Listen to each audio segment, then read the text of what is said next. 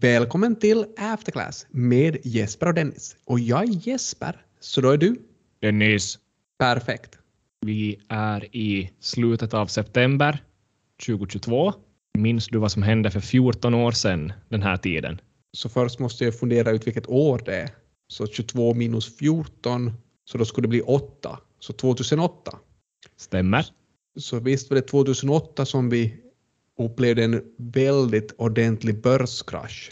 Och kanske den här börskraschen då skedde någon gång under september det året. 10 poäng till Jesper Haga. För visst är det så?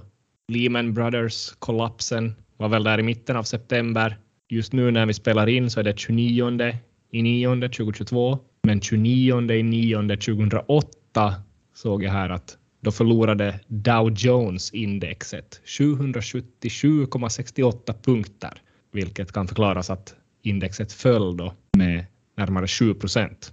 Dow Jones är väl visst det här industriindexet i USA. Jo, är det kanske de 30 mest omsatta industriaktierna. Man funderar lite att de här andra indexen, så de heter väl Nasdaq, eller inte vet jag om Nasdaq är ett index, men Nasdaq pratar man ju ofta om. Och det kommer väl då från Nasdaq-börsen. Sen pratar man om kanske S&P 500-indexet, alltså S&P 500. Och det är väl från Standard and Poor's, eftersom det är deras index. Men det är lite oklart varifrån det här Dow Jones kommer. Ja, alltså man hör ju, man hör ju väldigt ofta faktiskt. Dow är ner eller upp och så vidare. Så kanske vi borde reda ut det. Så jag läser här nu till. Dow Jones Industrial Average, DJIA, är ett sånt här aktiemarknadsindex som skapades av Wall Street Journal-editorn Charles Dow en gång i tiden. Så då kan man nästan lista ut varifrån det här Dow kommer. Ja, men sen om jag läser vidare så 1896 eh, skapades det här indexet och eh, den här average-delen av indexet så är nämnt efter statistikern Edward Jones, så han kanske kunde räkna genomsnitt. Ja, då fick vi förklaringen till varför det heter Dow Jones. Och om man då räknade det här indexet så såg man då att 2008 så föll det med 777 punkter. Eller 29 i 9 2008 så föll det med 777 punkter. I Finland här idag lyser det också rött. Ja, i Finland lyser det rött och kanske kan vi förvänta oss att det också lyser rött i USA ikväll och det skulle då betyda att kanske också Dow Jones-indexet går ner ikväll. Jag bara stannar kvar och tänkte på det här att 777, det var den största kraschen som indexet hade upplevt 2008 då. Men vad är den största kraschen som indexet har upplevt idag? I punkter mätt så tror jag det, det är den här eh, covid kraschen och någon dag där i mars 2020, för då är det väl en, ett fall på närmare 3000 punkter, eller omvandlat till nästan 13 procent som man kan skriva in i rekordböckerna. Så det är andra tider nu för tiden. Det är möjligt att de här punkterna också är högre nu än back in the day. Nu är det väl där man måste kunna skilja på de här punkterna och procenten. Men neråt gick det 2008 och neråt gick det 2020 och man kan väl också säga som du sa att neråt hade gått i Finland idag och neråt hade gått i Finland i år. Jo, absolut. Jämför man till exempel bland alla de här uh, nya firmorna som vi har i Finland på, på våra aktiebörser, så bland dem som till exempel då kom in 2021 och i början av 2022 då det ännu var lite hett, så jag tror de börjar vara slut de firmor som just nu är högre än deras täckningskurs. Är det möjligtvis så att det är bara Kempower ungefär som är kvar på plus? Ja, det låter ju helt galet. Och det, det vi påstår, eller du påstår här, är att om man har investerat i en nyemission de sista åren och man fortfarande äger de här aktierna, så har man med största sannolikhet förlorat pengar om man skulle sälja den här aktien idag. Ja, det är ungefär det jag säger. Och vad jag minns så var Kempower också en väldigt eftertraktad aktie, så i den här initiala teckningen så fick man säkert bara aktier för en ganska liten summa, även om man hade önskat en stor summa, så kanske det inte är så många som blev lyckliga där heller egentligen. Men vi som forskare är ju inte speciellt förvånade eftersom det är ett väldokumenterat fenomen att på tre till fem års sikt så avkastar de här bolagen som nyligen har börslistats väldigt dåligt. Så allt hänger ihop än så länge. Och det här kan ju ha att göra med till exempel att de här analytikerhusen eller de här företagen som listar de här bolagen, försöker få de här bolagen att se så bra ut som möjligt när den här listningen sker. Och ett sådant bolag som hjälper till att lista andra bolag är ju det här finländska Inderes, för det har varit lite av deras affärsidé. Ja, av dem kan man väl bland annat just köpa analyser som säger då att hur ska framtiden bli för det här företaget? Och eh, Inderes listades ju också här i den här sista vevan med många nya listningar. Jag kan också notera att deras nuvarande kurs är under den här täckningskursen. Det kom nyligen en vinstvarning och nu har vi alltså kursen kring 24 euro och teckningskursen var 25. Det skulle då ge en värdering för tillfället kring eh, 38 miljoner euro. Och man kan ju tänka sig att den här vinstvarningen är ett tecken på att börsklimatet håller på att lugna ner sig. Det finns inte lika stort behov av att göra analyser på företag just nu. Eftersom att, alltså helt enkelt att efterfrågan på de här analyserna har minskat. Både eftersom att kanske företagen inte behöver de här analyserna lika mycket, eller inte lika villiga att betala för dem, men också kanske för att det finns färre eh, nya börsintroduktioner. Så vad har vi nämnt här? Vi har Inderes, vi har nämnt Kempower. Har vi några andra sådana här intressanta börslistningar som vi har diskuterat tidigare? Jag tror vi hade en nästan som blev en hackkyckling i något skede. Det var Nightingale, minns du dem? Var det det här blodföretaget? Ja, det var blodanalys. Vdn hette Teemu Suna eller liknande och eh, ja, de faller in i den här samma kategorin här med lägre nu, nuvarande kurs än täckningskursen. Det kom faktiskt just in en delårsrapport från dem också och eh, summa summarum säger de att Ja, förvisso, omsättningen har gått upp lite här faktiskt, men eh, intressant att de mer än fördubblar rörelseförlusten. Det kan ju inte vara bra. Nej, det låter ju verkligen inte så bra, men man kan ju räkna med att i den här rapporten så finns det på framsidan en bild på den här vdn när han står där med ett väldigt stort smile på läpparna och är nöjd. Jo, även då rörelseresultatet blev minus 11 miljoner euro då det tidigare var minus 5. För tillfället landar marknadsvärde där kring strax under 90 miljoner euro. Samtidigt kan man läsa i den här rapporten att likvida medel uppgår till 95 miljoner euro. Det är en ganska speciell situation där man har ett bolag som har likvida medel som är värda mera än hela marknadsvärdet på bolaget. Det säger om lite vilka förväntningar man har på det här bolaget. Skulle man nästan kunna tipsa den här Teemu att man skulle gå ut och köpa upp något annat bolag för de här pengarna? Avsluta den här blodanalysverksamheten. Ja, eller så skulle man kunna ge 7,3 miljoner till oss och sen skulle man ge 88 miljoner till ägarna och då skulle man i princip ha fått tillbaka sitt nuvarande marknadsvärde. Det kan ju finnas några skattetekniska skäl där som gör att det inte är möjligt att göra på det sättet. Det är möjligt. Men ja, om, om, om de väljer att inte ge de här pengarna till oss, kanske de kunde köpa upp något bolag? Ja, det skulle de ju kunna göra. Men inte det här Swedish Match i alla fall, för det vill någon annan ha. Så det här Swedish Match, har det någonting att göra med svenska tändstickor? Det skulle man kunna tro, att det är svenska och Match skulle kunna vara tändstickor. Mm. Låter som det här tändsticksbolaget som den här Ivar Kruger hade där i början av 1900-talet. Har du hört om den här Kruger-koncernen? Den gick i konkurs 1932. Ja, och kallar man den Kruger kanske, ja. Va, vad säger jag då? Ja, jag vet inte. Kruger skulle jag säga. Man kan ju spola tillbaka och höra hur, hur det lät första gången.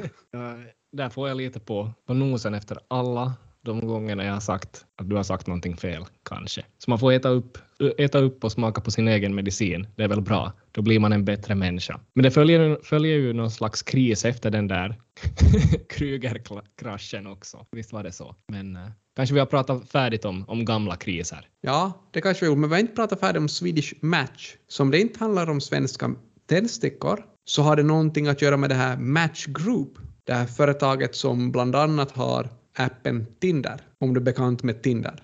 Jag har hört om det. Men eftersom du inte är desto mer bekant med det så har knappast Match Group någonting att göra med Swedish Match. Nej, utom i det här fallet är det då kanske som du också innerst inne vet att det är snus det är frågan om från Sverige. Det är märken som Catch, Ettan, General och Göteborgs Rapé och sådana här saker. Och glömde du kanske Grov? Är det ett av deras brand också? Ett av de här grövre snussorterna som de har, ja. Det låter nästan som du har gått på snuskurs. Det var faktiskt en taxichaufför senast jag var i Sverige som började berätta åt mig att han hade faktiskt gått på en snuskurs för att lära sig hur man skulle snusa. Det var alltså en icke svenskfödd taxichaufför det där, så han, han tänkte att han skulle bli mer svensk om han går på en snuskurs. Ja, men vad var upplägget då här? Om vi går tillbaka till Swedish Match, så de hade de här olika branden och var tanken då att Nightingale skulle använda sin kassa för att köpa Swedish Match, eller vad var det, var var det vi började? Ja, egentligen, vi kom väl fram till att Nightingale skulle absolut inte ha råd med det, för nu, nu är det dyrare saker. Och det är ju faktiskt då också så att uh, det här Philip Morris, ett annat tobaksbolag, skulle vilja köpa Swedish Match. Och vi sa det vad Swedish Match hade för brand, olika, eller olika varumärken, så vad har då Philip Morris för olika var, varumärken? Och där är det väl tobak det handlar om? Ja, alltså rök, rök, rökbara grejer. Ja, det är lite svårt med de här tobaksmärkena nu för tiden då man inte ser dem i affären, men, men det är väl klassiker som Marlboro, LM, Chesterfield, jag är osäker, men ditåt. Så de vill också ha snus. Det konstiga med de här tobaksmärkena som du nämnde här är att man funderar att finns det några andra än de här? Så kanske Philip Morris nu har i princip allting. De har alla tobaksmärken och de också har många av snusmärkena. Ja, förr fanns ju någon sån här Norti som, som var väldigt starkt vad jag förstått. Men, men det om det. Men det här Swedish Match är väl egentligen ganska framgångsrikt företag. Det har gått bra. Ja, åtminstone tycker man nog det har gått bra om man tänker på vad eh, Philip Morris är beredda att betala. Så de erbjuder 106 kronor per aktie, vilket då skulle motsvara ett värde på hela Swedish Match på 161 miljarder kronor. Om man skulle göra någon sån här snabb multipelvärdering och till exempel ta marknadsvärde, och nu tänker vi att det här är marknadsvärde på eget kapital då, och dividera det med det bokförda värdet på eget kapital, så skulle vi få en ganska intressant multipel. För det bokförda värdet på eget kapital här är faktiskt minus ungefär 6,5 miljarder kronor. Om man tänker så där rent generellt brukar negativt eget kapital vara en dålig signal för att det kunde betyda att man har förbrukat sitt, sitt aktiekapital till exempel. Det har varit så pass mycket förluster i bagaget. Ja, det är väl den här vanliga förklaringen och den absolut vanligaste orsaken. Men i Swedish Match fall så är det faktiskt en annan orsak.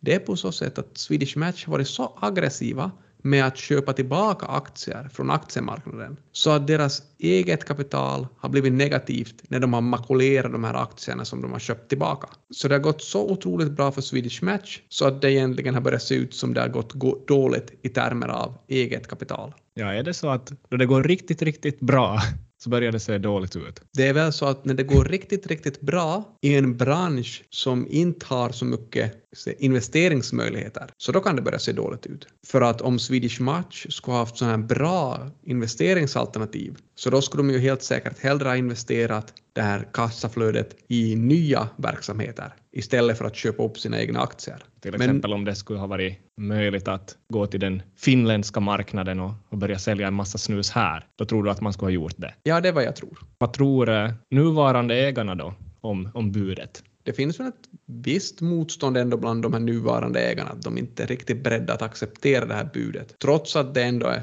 40 procent högre än vad kursen var när budet kom den 9 maj. Jag ser i alla fall här att den här så kallade acceptfristen på budet gäller fram till 21 oktober, så det blir intressant att se om man vill joina rökarna i Philip Morris eller inte. Jag vet inte, är det här med rökning, är det något hot numera eller är det bra? Ja, vi är inte sponsorerade av några eh, sådana här tobaksbolag så vi kan väl, vi kan, kan väl säga vad det ärligt är. Jag skulle påstå att det finns en del forskning som tyder på att det kan finnas negativa effekter av att röka speciellt då hälsoeffekter. Men sen är det faktiskt på så sätt att jag väldigt nyligen såg ett nytt papper, nytt forskningspapper, där de visar på att det faktiskt kan finnas positiva aspekter av att röka på dina framtida karriärsmöjligheter. Så om du röker kan det hända att du har bättre karriärsmöjligheter inom vissa länder. Och speciellt vad det här forskningspappret säger är att det kan vara så att rökning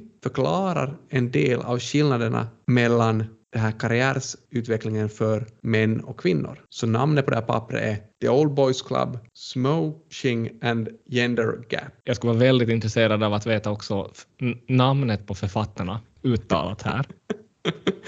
det fanns ju en orsak till att jag försökte undvika det. Men Colin är första författaren och Peres är första namnet av efternamnet hos den andra författaren. okay. Och sen? Skulle det här sista delen uttag, uttalas kanske Trugilla? Mm. Säger man, det snabbt, säger man det snabbt så kanske man kommer undan med det. Men vad det här pappret finner är då egentligen att rökning kan vara bra för din framtida karriär. Och det är ju inte då att det är rökningen som, som sådan som gör att du har en mer lyckad karriär, utan vad de påstår i det här pappret är att rökning kan skapa sociala kontakter. Och det är de här sociala kontakterna som sen leder till att du kan avancera bättre inom ditt företag. Så det är på rökpauserna saker sker. Åtminstone på rökpauserna de här kontakterna knyts. Och då kan saker ske efteråt. Ja, ja i princip så. Och jag menar, ni kan tycka att det här låter otroligt, men den här studien har ett väldigt bra sätt att identifiera effekten av de här sociala kontakterna. Eftersom att i det här företaget som de studerar så är det på så sätt att de vet vem i personalen som röker och vem som inte röker. Och den här personalen är uppdelad i små team och varje team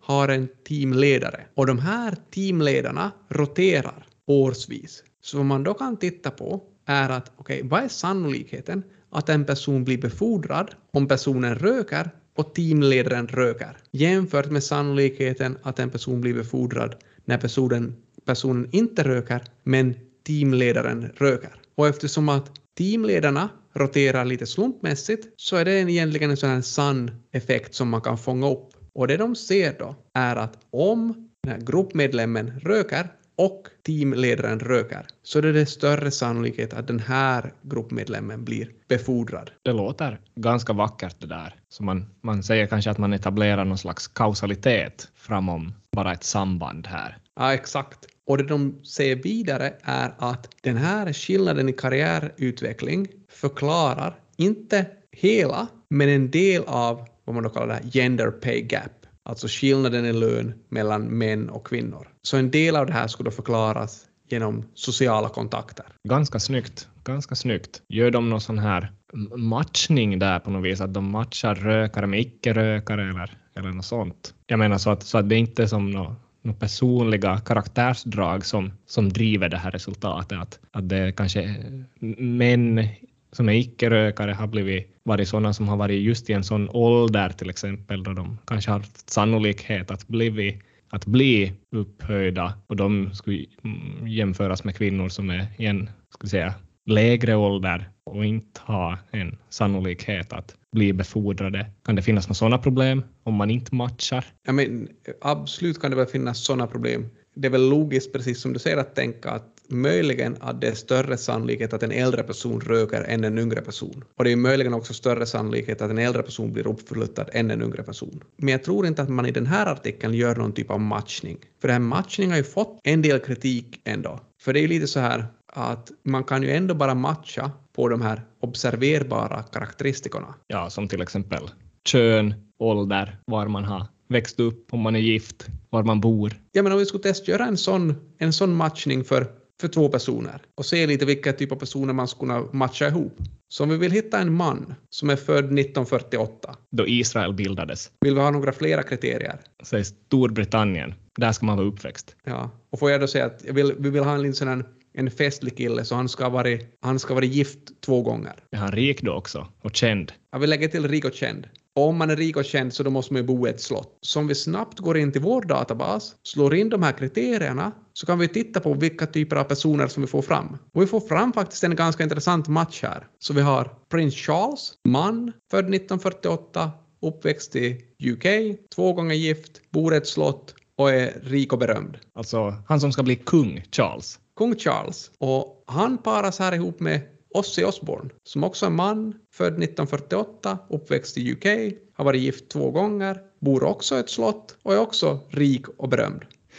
Ja, det är ganska fantastiskt. Det känns inte som att de eh, är varandras exakta motpart. Men kanske vi har fel. Ja, vem vet? Hur som helst, matchning behöver vi således inte göra i forskning alla gånger. Är det en slutsats? En annan slutsats, rökning kan vara skadligt för hälsan, men vill man bli befordrad kan man ju testa gå ut bland rökarna en gång åtminstone och se hur det känns. Ja, där tyckte jag du hade summerat det här avsnittet väldigt bra. Då gör vi så och fortsätter nästa vecka med nya insikter i After Class.